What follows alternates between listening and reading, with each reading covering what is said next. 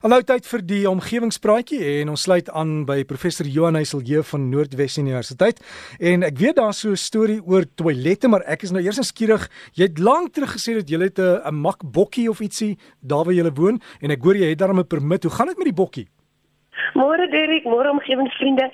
Nee dit gaan goed Derek ons ons baba bokkie wat ons daai tyd met julle gedeel het het intussen nog 'n baba maatjie gekry. Ons het nou twee klein baba springbokkies wat hier rondloop. So ek sal weer vir jou 'n videoetjie moet stuur dat jy kan sien hoe die twee speel en te kere gaan. En vandag se onderwerp voor ons by die toilet storie kom, maar dit gaan eintlik oor is dit water? Ja, Derek, so dit is eintlik drie belangrike kwessies wat ons so saam oor gesels: water, sanitasie en antibiotika. En ons praat nou eintlik oor die kombinasie van hierdie drie en wat nog ons ons regtig 'n groot omgewingsuitdaging stel. So die afgelope week, Derek, was internasionale antibiotika bewusmakingsweek en dit val toe nou so amper saam met wêreld toiletdag van eerskomende maandag.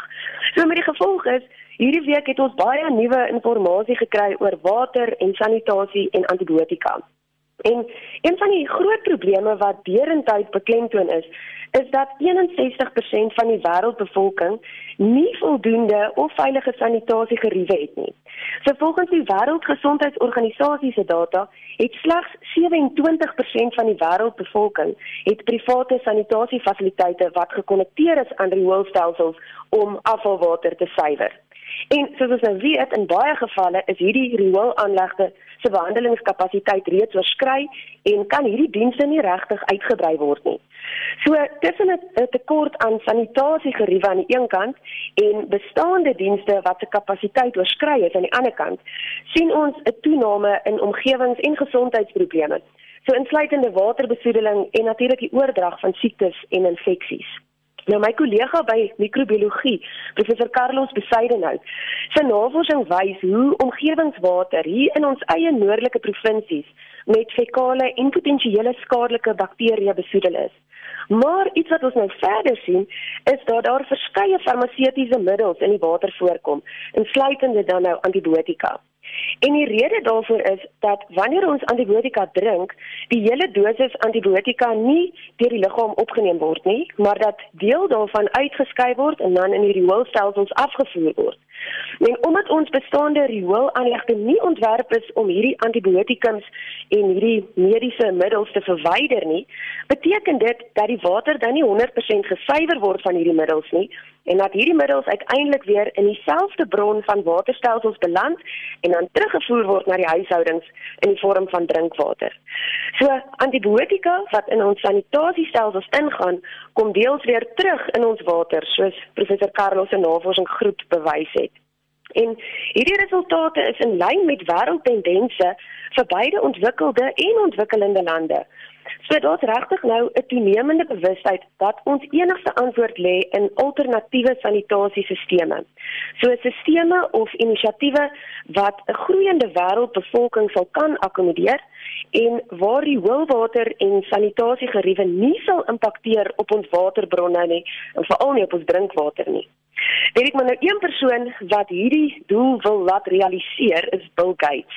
En hy het sedert 2013 al duisende dollars spandeer aan 'n program om sanitasiestelsels heeltemal te herontwerp.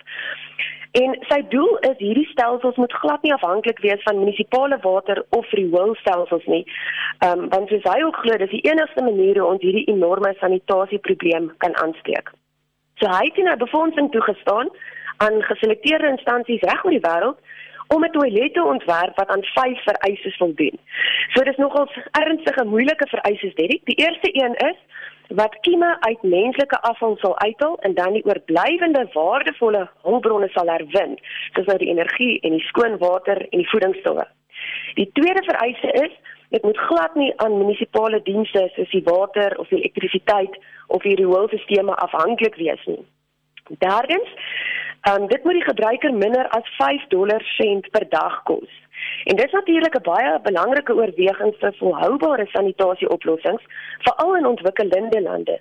Um so ons weet NASA het destyds 19 miljoen dollar spandeer vir 'n Russiese toiletstelsel vir 'n ruimtestasie wat urine kon omskep in drinkwater. So die tegnologie bestaan, maar die uitdaging is om dit koste-effektief te maak en van daar hierdie derde vereiste van 5 dollar sent per dag per gebruiker.